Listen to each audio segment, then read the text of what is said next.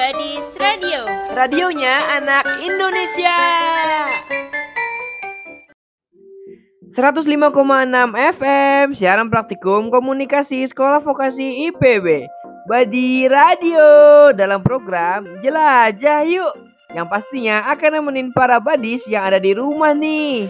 Balik lagi nih sama aku Kak Salsa dan kamu kok akan menemani pagi kalian nih Badis Ngomong-ngomong kalian pagi ini lagi ngapain nih Badis? Uh, pasti ada yang lagi sarapan sambil minum susu gitu ya. Atau bahkan masih ada yang uh, bobo di kasur uh, masih rebahan gitu ya. Ayo ngaku siapa yang masih bobo di kasur nih. Ayo kita bangun kita semangat pagi ini untuk menjalani hari jadi Badis, selama 60 menit ke depan, Kak Salsa dan Kamoko akan nemenin Badis nih. Tentunya di siaran radio yang hits dan asik Badis. Kenapa siaran kita itu asik bingit? Karena selain siarin hiburan, kita juga akan berbagi informasi yang akan tentunya bermanfaat nih untuk wawasan Badis semua. Temani kita terus ya Badis hanya di Badi Radio siaran praktikum komunikasi sekolah vokasi IPB. Jelajah yuk! Kenali ragam budaya Indonesia. 105,6 FM siaran praktikum komunikasi sekolah vokasi IPB Badi Radio dalam program Jelajah Yuk masih bersama Kak Salsa dan kamu kok di sini ya Badis. Kegiatan apa aja sih yang kalian lakukan selama di rumah? Terus kalian bosen gak sih di rumah terus? Hmm, pasti bosen ya kan? Dari yang biasanya pagi-pagi nih udah mandi, sarapan, terus ke sekolah ya kan? Tapi sekarang beda banget. Tapi kan ya kamu kok kita masih bisa lah ya main ke uh, teman-teman kita, tetangga kita gitu yang masih satu perumahan, masih satu komplek gitu ya sama kita. Tapi badis harus diingat juga kalau badis semua harus tetap mengikuti protokol kesehatan ya. Nah tapi badis semua sekarang nggak usah ngerasa kesepian atau ngerasa khawatir, bosan gitu ya Karena Kak Salsa dan kamu kok hadir buat nemenin uh, Badi semua di pagi hari yang cerah ini. Jadi, kali ini Kak Salsa mau memberikan informasi tentang negara tercinta kita ini loh. By the way, Badis tahu nggak kalau Indonesia tuh ternyata terdiri dari banyak banget provinsi. Badis tahu nggak ada berapa provinsi di uh, negara tercinta kita ini? Indonesia itu usut punya usut ya ternyata terdiri dari 34 provinsi nih badis wah banyak banget ya kamu kok ya. Nah di setiap provinsi itu memiliki suku adat masing-masing. Mau tau gak sih apa aja suku-suku yang ada di Indonesia? Hmm, mau tahu aja atau mau tahu banget nih? Daripada penasaran nih, Kak Salsa bakal langsung aja di sini kasih informasi seputar suku-suku yang ada di Indonesia. Tapi, Badis jangan ke mana-mana dulu ya, karena Kak Salsa bakal puterin lagu yang bisa menemani pagi Badis semua. Ada lagu dari Sia Fauzi dengan judulnya Malu Sama Kucing. Check it out!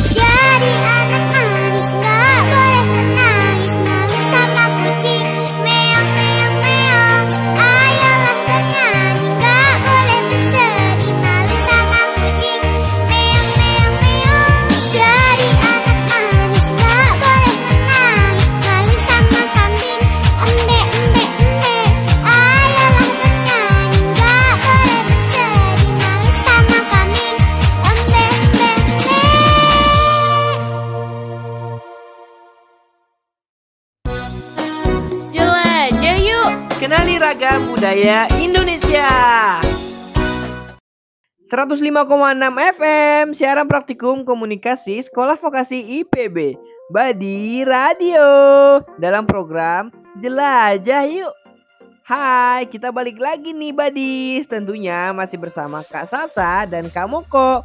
Ya di sini di Badi Radio. Apa yang kalian ketahui nih tentang Indonesia? Hayo, ada yang tahu nggak nih? Hmm, oke oke kalau gitu Kak Salsa dan Kak Moko kasih tahu nih ya. Nah, Badis, Republik Indonesia ini biasa disingkat menjadi RI atau yang lebih kita kenal gitu ya dengan Indonesia adalah negara di Asia Tenggara yang dilintasi oleh garis katulistiwa dan berada di antara benua Asia dan benua Australia nih serta di antara Samudra Pasifik dan Samudra Hindia. Indonesia ini adalah negara kepulauan terbesar di dunia loh, Badis yang terdiri dari 13.466 pulau. Wow, banyak banget ya kamu kok ya.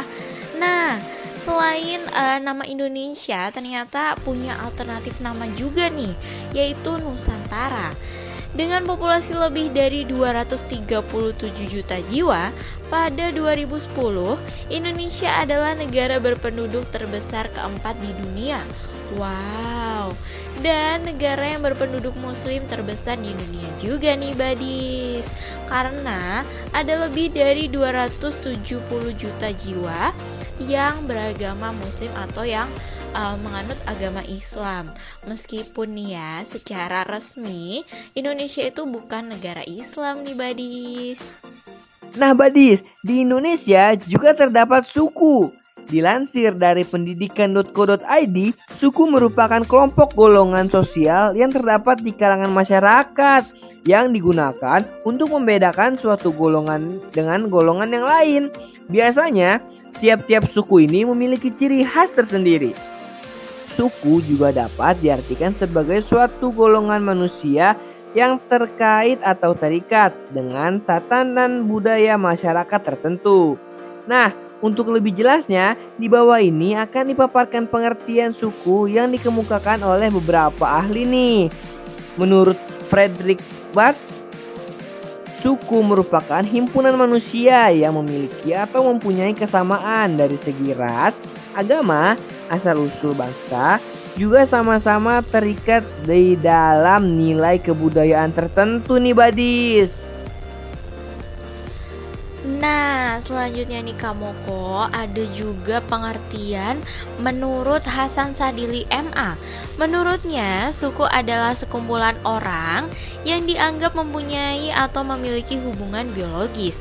Ada juga menurut Konjaraningrat nih Badis. Menurutnya, suku adalah sekelompok manusia yang menyatu dengan budaya setempat secara sadar gitu ya. Dan biasanya mereka juga berkomunikasi dengan bahasa yang sama. Nah, ada lagi menurut Ralor, suku itu merupakan golongan manusia yang mengidentifikasikan dirinya dengan sesamanya. Biasanya nih berdasarkan garis keturunan yang dianggap sama. Nah, suatu kelompok tersebut biasa diakui sebagai suku apabila memiliki ciri khas tersendiri di dalamnya. Biasanya dalam hal budaya, bahasa, agama, perilaku, ataupun ciri biologis lainnya nih Badis. Selanjutnya ada ciri-ciri khusus nih dari suku tertentu Badis. Yang pertama, ada perbedaan ciri fisik. Perbedaan dari ciri fisik inilah yang menjadi ciri pertama yang membedakan satu suku dengan suku lainnya Badis. Tiap-tiap suku itu ya biasanya mempunyai ciri fisik tersendiri yang membedakannya dengan suku lain Badis. Contohnya seperti suku Jepang yang mempunyai warna kulit kuning langsat. Sedangkan untuk suku bangsa Afrika itu mempunyai warna kulit hitam. Yang kedua, ada perbedaan bahasa. Hmm, menarik kan ya? Tiap-tiap suku itu mempunyai cara bahasanya tersendiri, baik itu bahasa nasional atau juga bahasa adat. Gak hanya itu aja nih, masing-masing dari suku biasanya juga mempunyai cara penyampaian atau yang biasa kita sebut dengan logat gitu ya. Istilahnya kayak bahasa tersendiri. Oleh sebab itulah kita dapat mengetahui kalau uh, seseorang tuh berasal dari suku mana sih. Itu biasanya kita identifikasi atau kita ketahui dengan cepat nih ya badis dengan gampang itulah istilahnya dari cara penyampaian atau logat mereka saat berbicara nih badis. Nah yang ketiga ada perbedaan kebudayaan. Selain berbeda dari segi penampilan fisik serta bahasa, ternyata tiap-tiap suku juga mempunyai kebudayaan tersendiri nih. Dan kebudayaan tersebut menjadi ciri khas dari masing-masing suku. Contohnya ada kebudayaan uh, dari suku yang ada di India gitu ya uh, berbeda dengan suku yang ada di Eropa. Perbedaan kebudayaan tersebut dapat kita lihat dari segi adat istiadat, kesenian, serta yang lainnya. Yang keempat ada memiliki wilayah domisili. Kalau di Indonesia nih sekarang mungkin udah banyak lah ya yang suku-sukunya itu nyebar ke daerah di luar uh, lahir atau tumbuhnya suku tersebut. Tapi nggak memungkiri juga suku-suku tersebut tetap punya uh, wilayah domisili atau wilayah asal gitu ya lahirnya suku tersebut. Contohnya nih kayak misalnya uh, suku Batak yang berdomisili di Pulau Sumatera, terus suku Toraja yang berdomisili di Sulawesi dan lain sebagainya nih Badis. Nah Badis, sekarang kita akan ngebahas mulai dari suku Jawa ya, karena kita berada di Pulau Jawa. Oh, jadi kita harus ngebahas yang deket-deket dulu aja nih. di Pulau Jawa terdapat 6 provinsi Badis, yaitu ada Banten, DKI Jakarta, Jawa Barat, Jawa Timur, Jawa Tengah, dan Yogyakarta nih. Nah, tadi kan kamu kok udah menjelaskan tuh kalau ada enam provinsi nih Badis. Nah, Badis tahu nggak sih suku Jawa itu meliputi daerah mana aja dari keenam provinsi tadi? Yang udah pernah jalan-jalan ke Solo atau ke Jogja pasti tahu nih. Suku Jawa itu meliputi daerah Jawa Timur, Jawa Tengah, dan daerah istimewa Yogyakarta. Kebiasaan dari suku Jawa ialah ramah. Karena orang Jawa itu suka menyapa, baik yang dikenal ataupun tidak. baik banget ya orang Jawa. Cara menyapanya pun tidak melulu memanggil nama. Seringkali mereka hanya mengangguk dan tersenyum ketika berpapasan dengan teman atau kerabat yang dikenal. Bahkan bule yang tidak begitu dikenalnya pun disapa loh. Hmm, baik banget ya. Hanya dengan senyum dan anggukan kepala. Pada dasarnya orang Jawa adalah pemalu dan sungkan apalagi bila mereka berada dalam lingkungan yang benar-benar baru. Meski orang Jawa suka menyapa terlebih dahulu, namun mereka adalah orang yang pemalu dan sungkan saat berada di lingkungan yang baru nih. Bila sudah diajak ngobrol, biasanya mereka akan nyaman dan suka berbincang banyak hal. Meski tidak semua, namun orang Jawa sudah diajarkan etika sopan santun dari mereka sejak kecil. Salah satu contohnya, orang Jawa akan membungkukkan badan saat berjalan melewati orang yang lebih tua nih. Hal ini dilakukan sebagai bentuk penghormatan dari orang Jawa tersebut. Orang Jawa itu penurut dan tidak suka neko-neko loh, Badis. Mereka mengerjakan apa yang seharusnya mereka kerjakan dan berdedikasi tinggi terhadap apa yang dibebankan padanya. Tidak melakukan hal-hal yang aneh juga loh. Orang Jawa juga dikenal apa adanya, sekalipun harus mengeluh juga. Hmm, hebat sekali orang Jawa itu. Apa pun yang digariskan kepada mereka, mulai dari jodoh, harta kekayaan, dan jabatan diterima apa adanya. Hmm, kalian juga harus kayak gitu ya, Badis. Ambil sisi-sisi baiknya. Ya, tapi adalah Kak Moko ya, sesekali mereka tuh mengeluh dan pada akhirnya mereka pun bisa menerima dengan ikhlas dan legowo gitu ya. Dan percaya atau tidak orang Jawa itu selalu mensyukuri apa pun yang terjadi dan selalu mengambil sisi positifnya alias selalu mengambil hikmahnya gitu ya di tiap kejadian. Nah, kalau misalnya Badis punya teman orang Jawa, coba deh perhatiin uh, sekalipun mereka kena musibah nih ya selalu uh, sabar mengambil hikmahnya gitu ya. Misalnya kalau ada kecelakaan motor misalnya motornya rusak sampai kakinya patah aduh ini serem banget sih ya jangan sampai ya. Uh, ini pemisalan aja gitu. Nah mereka pasti kayak uh, berpikirnya tuh oh alhamdulillah masih diberi kehidupan masih bisa selamat jiwanya masih nempel gitu ya istilahnya. Masih yang rusak itu motor dan uh, yang patah kaki walaupun tetap sih keluar biaya juga gitu ya. Nah tetap mensyukuri apa pun yang udah diberikan. Karena orang Jawa tuh punya moto hidup mengalir seperti air atau jalani aja dulu gitu loh kamu kok. Jadi kehidupan ini tuh dijalani tanpa beban. Meskipun tanggungannya tuh banyak juga ternyata tapi ya udah sabarin aja gitu ya. Karena orang Jawa tuh hidup untuk hari ini gitu loh Badis wah unik banget ya ternyata Badis ya. Nah Badis di suku Jawa nih tempatnya di Jawa Tengah memiliki tempat familiar dan yang bersejarah bingit yaitu di Jogja. Di Jogja itu ya ada candi-candi yang kalau misalnya kita ke sana tuh biasanya study tour dan kita tuh pasti takjub banget sama bangunan candinya. Coba tebak, candi apa yang mewakilkan suku adat Jawa? Nah, kamu kok nih kali ini ada juga candi-candi yang letaknya itu di Pulau Jawa. Kayak misalnya ada Candi Prambanan, ada Candi Borobudur, Candi Dieng, Candi Mendut, dan Candi Sewu. Wah, banyak banget ya kamu kok ya. Nah, buat badi semua, daripada kalian jalan-jalan atau berwisata ke luar negeri nih, bisa banget alihkan atau wisata gitu ya ke tempat-tempat uh, di Indonesia. Jadi selain kalian bisa berwisata, bereksplorasi, kalian juga bisa sekalian belajar sejarah tentang keberagaman budaya yang ada di Indonesia ini. Ternyata sangat beraneka ragam banget dan uh, kayaknya nggak habis-habis gitu ya untuk kita kupas sejarah-sejarah dan keunikan yang ada di Indonesia ini. Dan satu lagi nih Badis, jangan mau kalah sama wisatawan asing yang berwisata ke negara kita dan tertarik untuk mempelajari budaya-budaya kita yang sangat beraneka ragam ini. Jangan sampai nih budaya-budaya kita ini direbut sama mereka karena direbutnya karena kita nggak tahu cara melestarikannya tuh gimana jadi sedari dini mungkin nih kita harus bisa mengenal dan bisa melestarikan kebudayaan tersebut Badis, suku Jawa mempunyai rumah adat yang disebut rumah joglo. Hmm, keren banget ya. Kalian badis kalau ada yang keturunan Jawa terus pulang kampung nih ke rumah nenek atau kakek kalian, biasanya sebutan nenek atau kakek untuk orang Jawa itu mbah atau eyang. Kalau nenek dipanggilnya Mbak Uti atau Eyang Putri.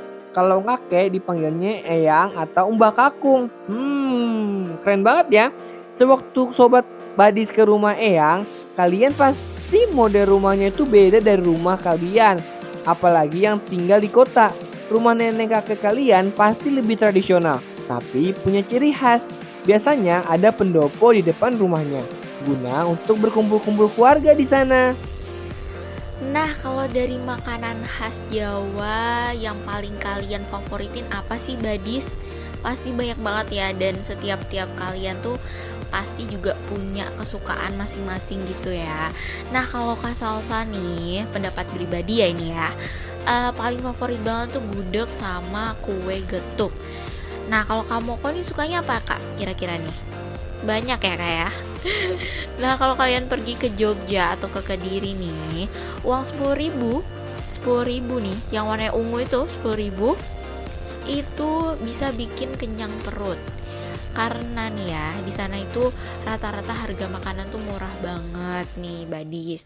Buat badis semua yang berdomisili di Jawa di Jogja gitu ya atau di Kediri atau di mana pun itu pasti udah tahu lah ya kalau di sana itu uh, makanan tuh murah-murah banget. Dan dengan uang sepuluh ribu kita udah bisa beli bermacam-macam dan kenyang banget gitu ya Terus nih ya, badis di Jawa itu terkenal banget makanannya itu cenderung rasanya tuh manis gitu. Apalagi Jawa Tengah ya. Karena Jawa itu terkenal penghasil gula merah. Makanya orang Jawa juga dikenal hitam manis gitu. Sebenarnya bukan hitam manis sih, lebih ke sawo mateng gitu lah ya badis ya. Nah, hal ini tuh yang bikin anggapan kalau orang Jawa itu lebih terkesan eksotis gitu. Nah makanya banyak banget wisatawan asing yang uh, kadang tergoda gitu ya. Aduh tergoda, maksudnya tertarik dengan orang-orang Jawa karena kulitnya itu yang eksotis gitu. Nah ngomongin tentang wisatawan asing nih, ternyata nggak sedikit juga nih yang wisatawan asing yang menikah dengan orang Indonesia khususnya orang Jawa karena ya itu tadi selain aku bilang uh, kulitnya eksotis terus mereka juga senangnya kalau di Indonesia kan berjemur ya. Maksudnya pengen dapat sinar matahari gitu yang sangat terik ini di Indonesia gitu. Nah contohnya beberapa artis yang menikah dengan wisatawan asing maksudnya warga negara asing gitu ya itu ada Anggun C. Nah kalian tahu kan yang ikan sampo yang itu loh kamu kok yang um, aku jadi duta sampo lain itu mereknya nggak usah kita sebutin ya badis ya takut nanti uh, ada tit gitu ada sensornya gitu Nah, selain itu juga ada Chef Queen yang juga menikah dengan warga negara asing. Gitu loh, Badis. Balik ke topik yang tadi ya, Sobat Badis juga pasti lihat cara Eyang atau Mbak kalian berpakaian. Itu beda banget Eyang Kakung kalian pasti sering pakai baju surjan sama blangkon. Baju surjan itu yang motifnya garis-garis ke bawah loh. Sobat badis, surjan dan blangkon dikhususkan buat laki-laki. Sedangkan yang perempuan pakai kemben atau dodot atau kebaya batik atau bisa dia sebut juga lurik. Dan yang pasti rambut para perempuan Jawa selalu disanggul supaya terlihat rapi. Nah selanjutnya nih kamu kok kita bakal ngomongin tentang senjata tradisional. Wah kalau ngomongin tentang senjata tradisional tuh kayaknya kita kayak ngomongin sesuatu yang ilegal gitu ya kamu kok ya. Tapi tenang badi semua kita di sini nggak bakal ngajarin tentang uh, hal-hal negatif atau kekerasan gitu ya. Kita di sini mau memperkenalkan tentang senjata tradisional dari suku Jawa. Nah, seiring berkembangnya zaman nih, senjata tradisional itu beralih menjadi alat ritual atau alat untuk upacara adat aja nih. Nah, untuk suku Jawa itu ada yang namanya keris. Nah, keris ini adalah senjata tikam golongan belati yang berujung runcing dan sering kali bilahnya itu berkelok-kelok atau mempunyai lekuk nih badis. Wah kalian nih yang belum bisa um, kebayang atau belum bisa berimajinasi bentuknya keris tuh kayak apa sih? Bisa banget minta tolong ke mama, papa atau kakak buat googlingin gitu ya. Googlingin maksudnya mencari di internet uh, seperti apa sih gambar dari keris ini. Nah, yang perlu badis tahu juga ternyata penggunaan dari keris itu ada aturannya. Jadi kita nggak boleh sembarangan ya. Nah, yang lebih uh, lebih mengagetkan lagi nih, mencengangkan. Jadi ternyata peletakan keris di pinggang itu juga ada aturannya atau ada artinya gitulah ya. Kalau misalnya di kanan itu ada artinya sendiri, kalau di kiri ada artinya juga, kalau di belakang itu juga beda maknanya gitu. Nah banyak banget ya pengetahuan yang bisa kita ambil dari suku Jawa ini. Tapi Badis masih mau lanjut nggak info-info berikutnya nih? Masih dong ya pastinya.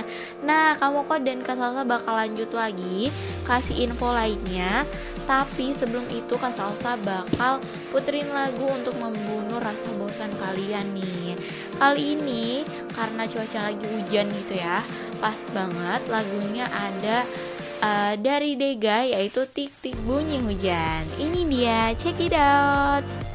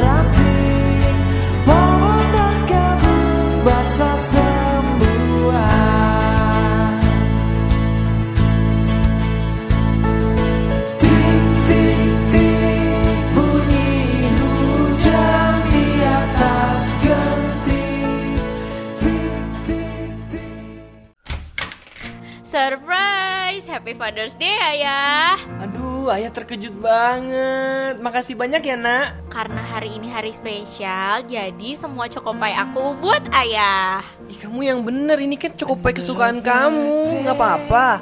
Iya nggak apa-apa. Makan aja semuanya.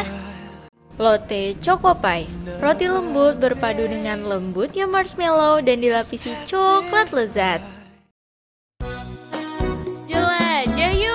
yuk Kenali ragam budaya Indonesia. 105,6 FM Siaran Praktikum Komunikasi Sekolah Vokasi IPB Lanjut lagi nih Aku mau ngasih informasi lagi buat badi semua. Jadi orang Jawa itu ya Punya prinsip hidup tersendiri loh badis. Sobat badis, pernah denger nggak? Alon-alon akal asal kelakon. Hmm, pasti pernah denger tuh. Artinya pelan-pelan asal terlaksanakan. Jadi orang Jawa pasti dalam pekerjaan itu ulet dan teliti.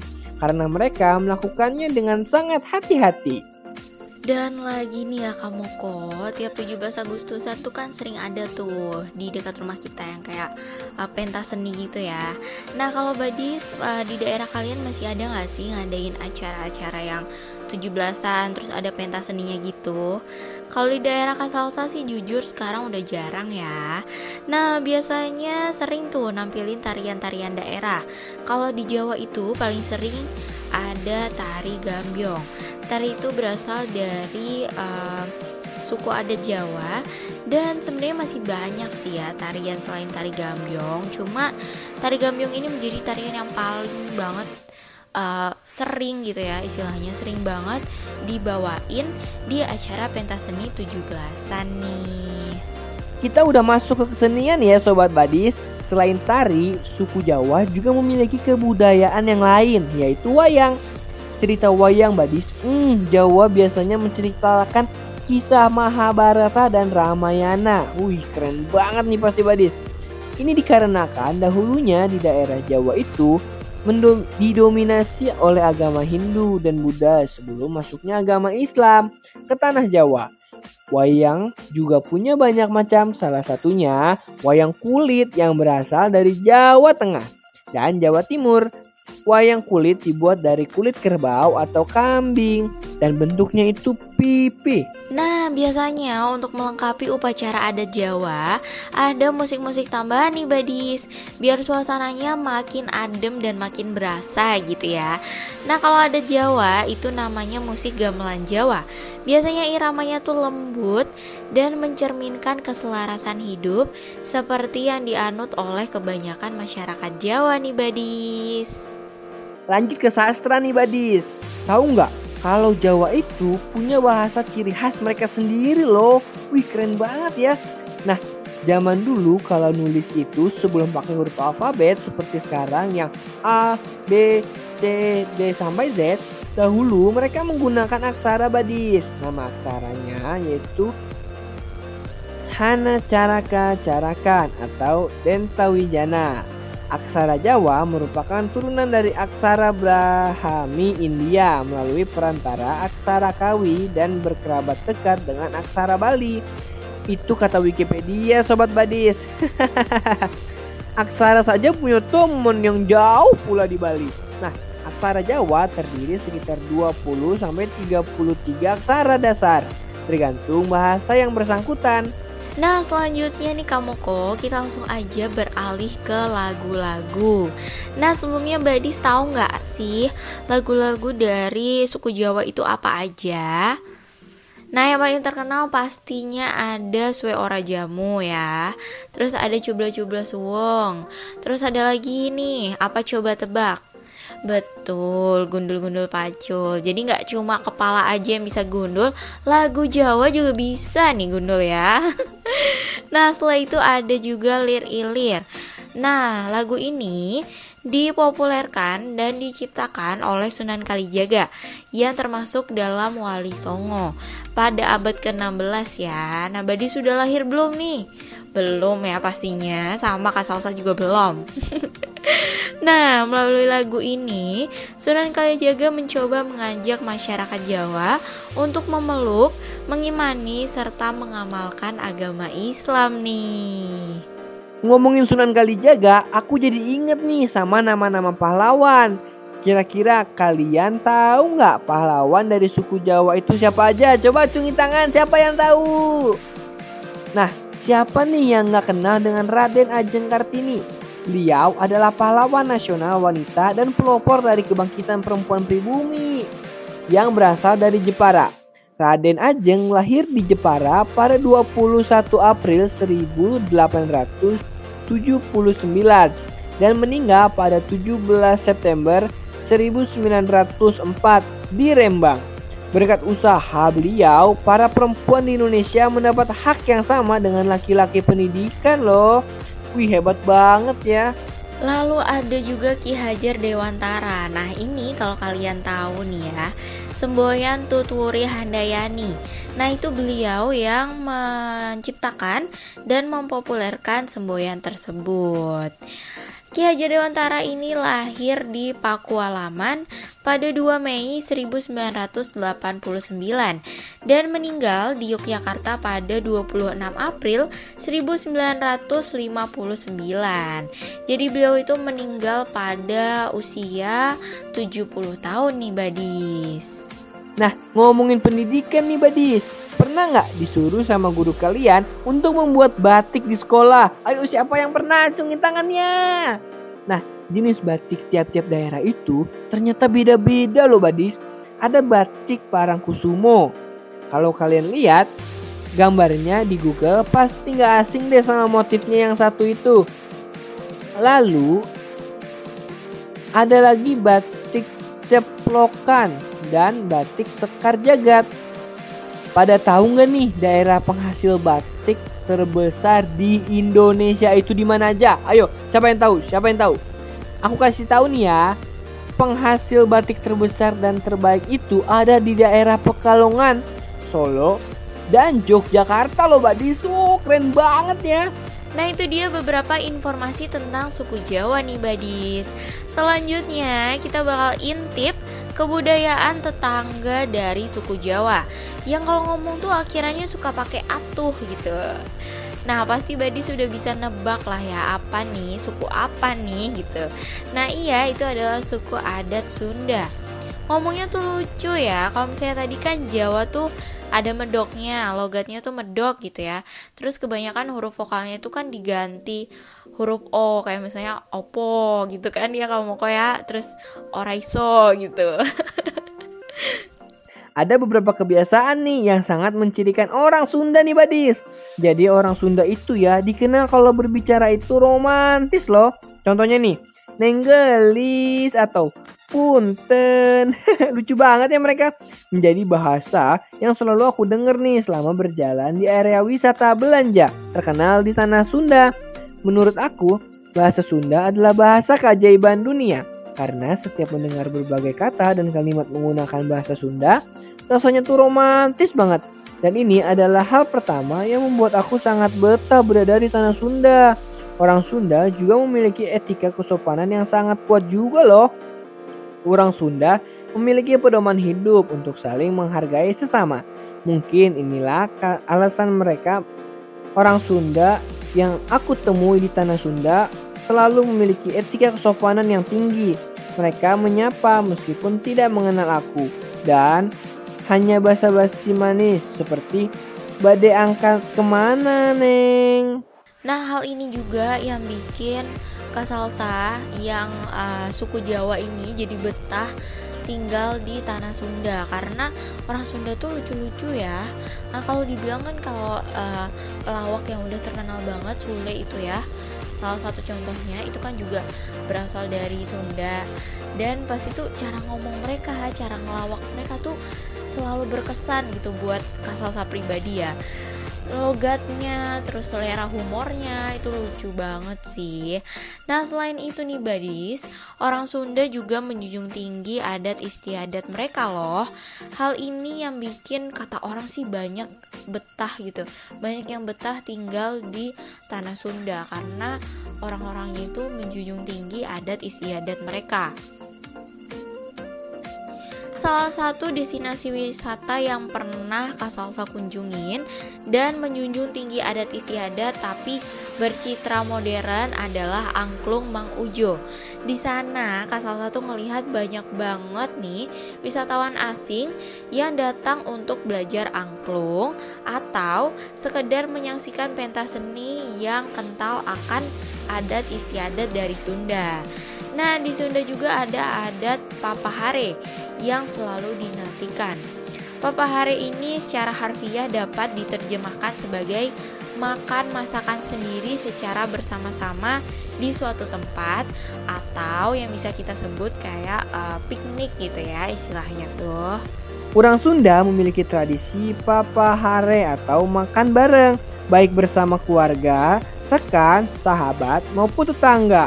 Sebenarnya aku sih nggak pernah ikutan tradisi ini saat aku datang ke tanah Sunda. Tapi seorang bule bernama Mark Wins lah yang melakukannya saat melakukan adat dan kebiasaan makan orang Sunda ini. Mark Wins merasa sangat bahagia karena makan dengan gaya seperti ini tidak pernah ia rasakan di negara asalnya. Berikut ini adalah kebersamaan Mark Wins makan bersama orang Sunda nih. Orang Sunda juga kalau berbicara sering ditambahkan dengan kata-kata di belakangnya teh atau mah. Jadi, jika Badi sering menonton tayangan televisi mengenai kehidupan orang Sunda, pasti paham betul dengan istilah ajaib yang mereka tambahkan dalam setiap kalimat yang mereka katakan seperti teh, dan mah. Nah, kamu kok meskipun hanya menambahkan dua kata ini dalam setiap kalimat, namun ini cukup menjadi ciri ya kalau orang itu tuh oh ternyata ini orang Sunda gitu, udah kelihatan banget kalau pakai mah, teh gitu ya.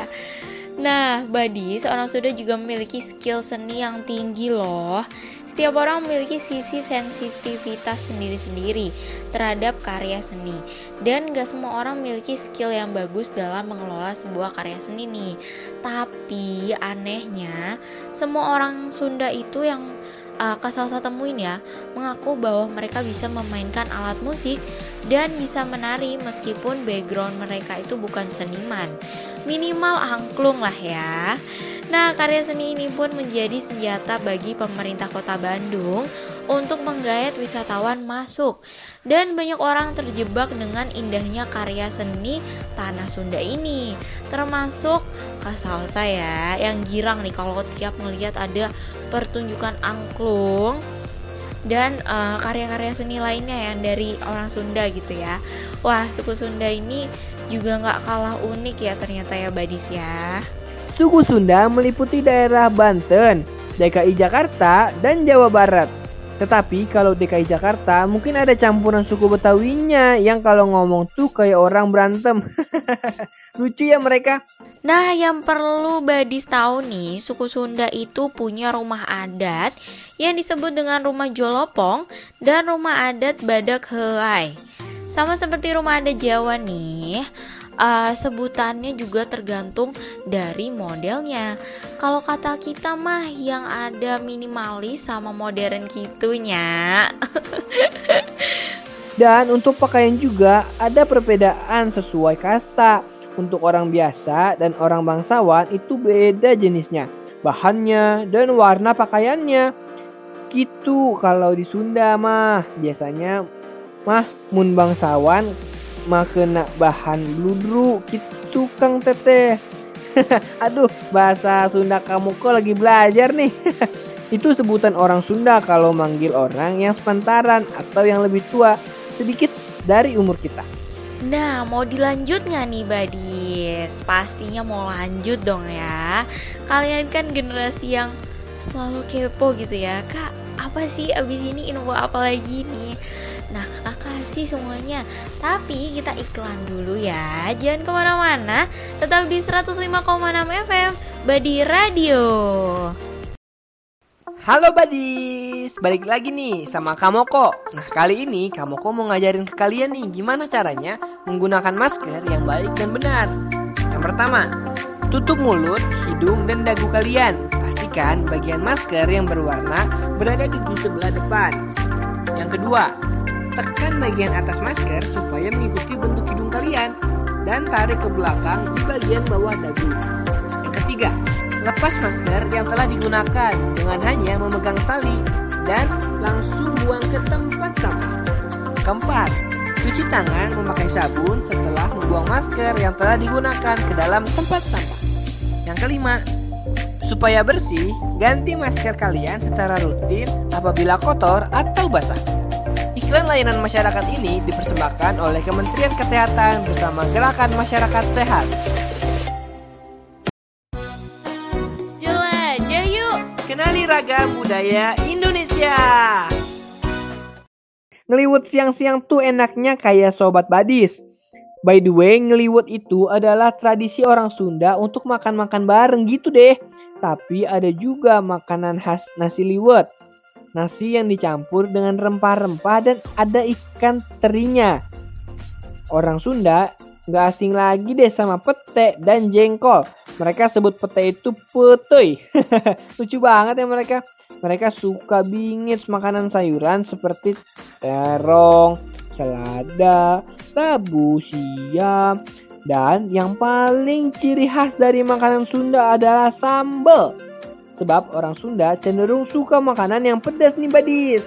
Makanan dari Sunda itu kamu kok ya, selain ada nasi liwet, ada juga karedok, ada nasi timbel, ada sate marangi, ada kupat tahu, surabi, tahu sumedang, dan masih banyak lainnya.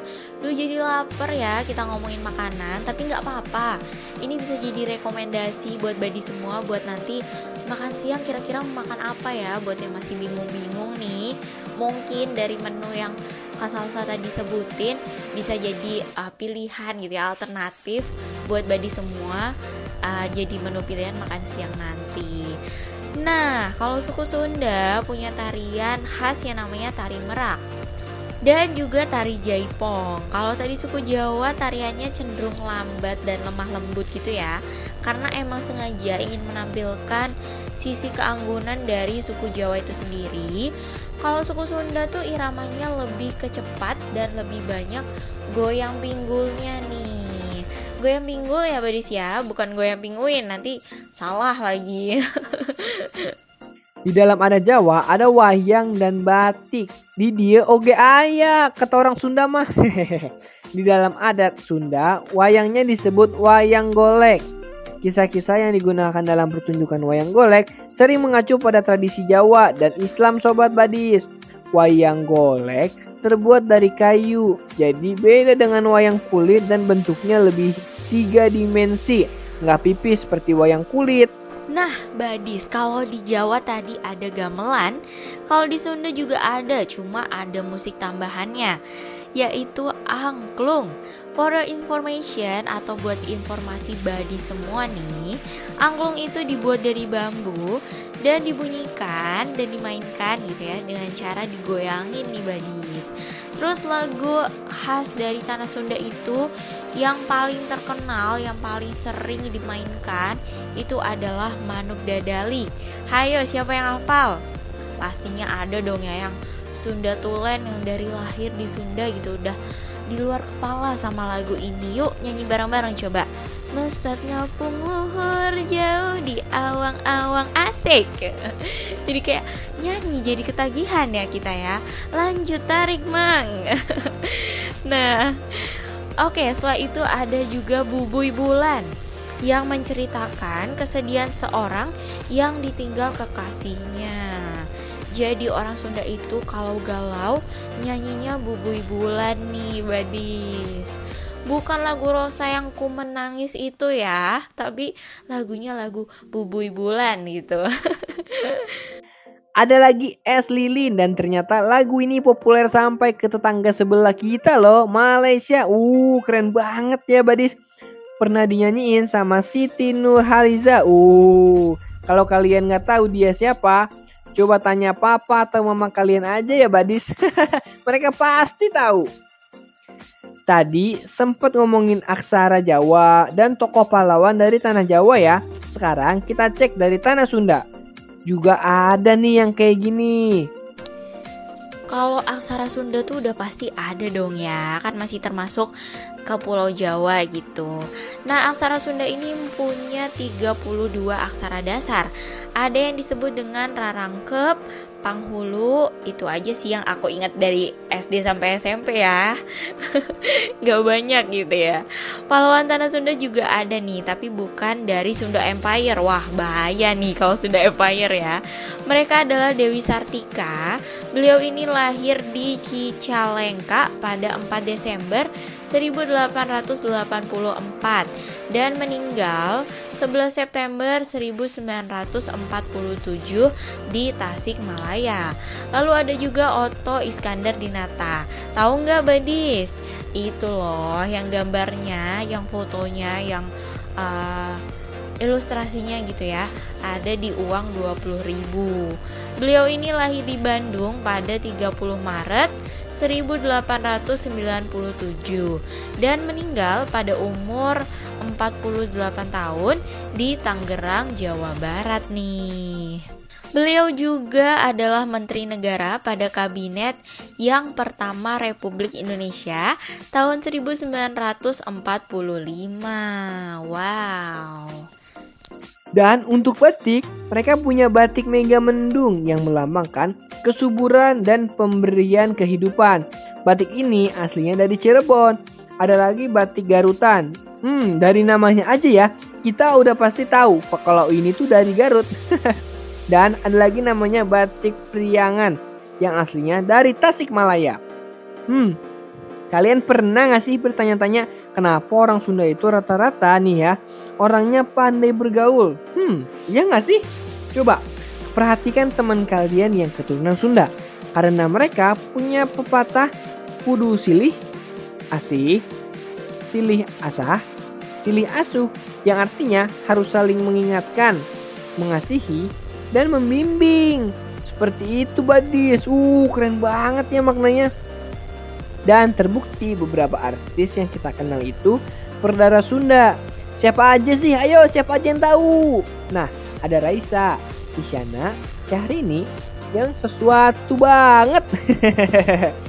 dan pelawak juga ada seperti Sule, seperti yang aku bilang tadi. Dan Uus juga Denny Cagur. Hmm, nah udah ketahuan nih pasti orang Sunda sukanya yang lucu dan kocak ya Badis. Untuk senjata nih, senjata yang dimiliki oleh suku Sunda ini hampir sama kayak punya suku Jawa. Ya emang namanya masih satu pulau gimana ya, Badis? Emang harap maklum kalau banyak yang sama gitu. Nah, tapi namanya beda. Kalau di Sunda ini namanya kujang. Kujang itu merupakan perkakas yang merefleksikan ketajaman dan daya pikir dalam kehidupan, juga melambangkan kekuatan dan keberanian untuk melindungi hak dan kebenaran. Kujang juga menjadi ciri khas baik untuk uh, senjata, alat pertanian, pelambangan, hiasan ataupun mata nih badis. Kalau Jawa terkenal dengan candi, lain dengan suku adat Sunda nih yang terkenal dengan prasasti. Di antaranya ada prasasti batu tulis, prasasti Ciaruten, prasasti Galuh, dan masih banyak lagi sobat badis. Orang Sunda sepertinya suka bingin nyoret-nyoret batu ya. Canda ya. Wah banyak banget nih ya pengetahuan yang udah Kak Salsa dan kamu kok kasih hari ini. Semoga badi semua bisa mengambil ilmu dan hikmahnya. Waduh kayak apa aja nih ya kamu kok ya. Bisa menambah ilmu badi semua. Biar badi semua jadi pinter-pinter dan uh, sama juga sih sebenarnya. Kak sama kamu kok juga bacain ini jadi menambah pengetahuan gitu ya. Nah, badi semua jangan dulu pindah frekuensi Karena Kak Salsa bakal puterin lagu yang gak kalah bagusnya. Yuk kita sama-sama nyanyi Yuk kita sama-sama uh, menghibur diri gitu ya Biar gak bosen ini ada lagu dari Aisyah FM Judulnya Andaikan Aku Punya Sayap. Check it out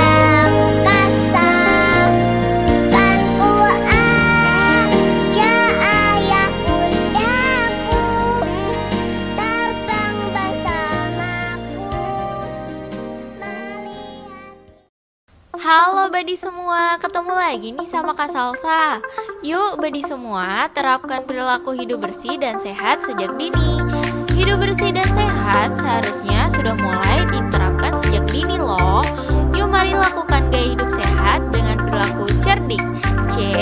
Cek kesehatan secara berkala E. Enyahkan asap rokok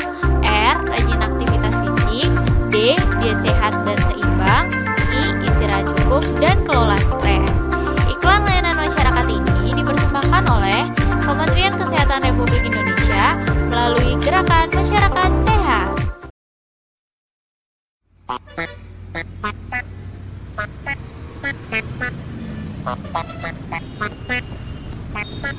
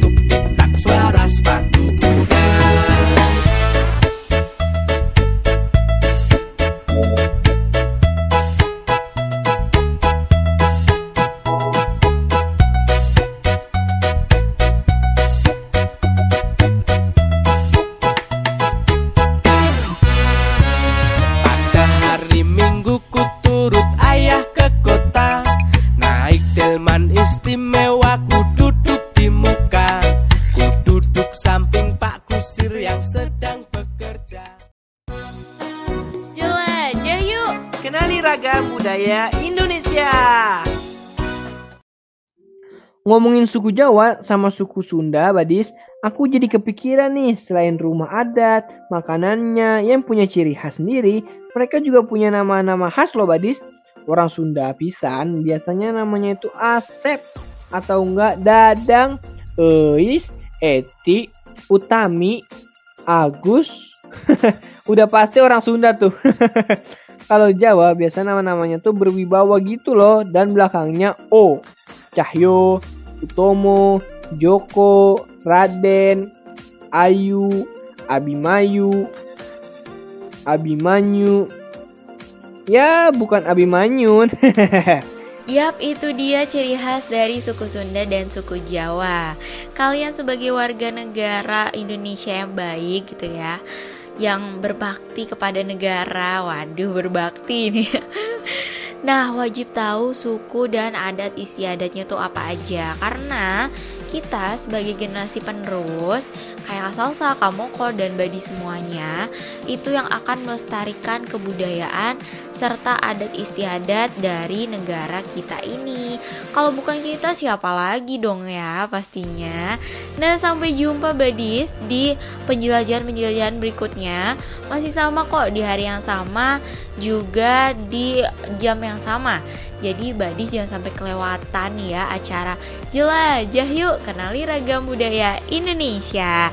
Tetap di Badi Radio ya Badi semua. Bersama Kak Salsa dan Kamoko Di 105,6 FM siaran praktikum Sekolah Vokasi IPB Terima kasih Badis.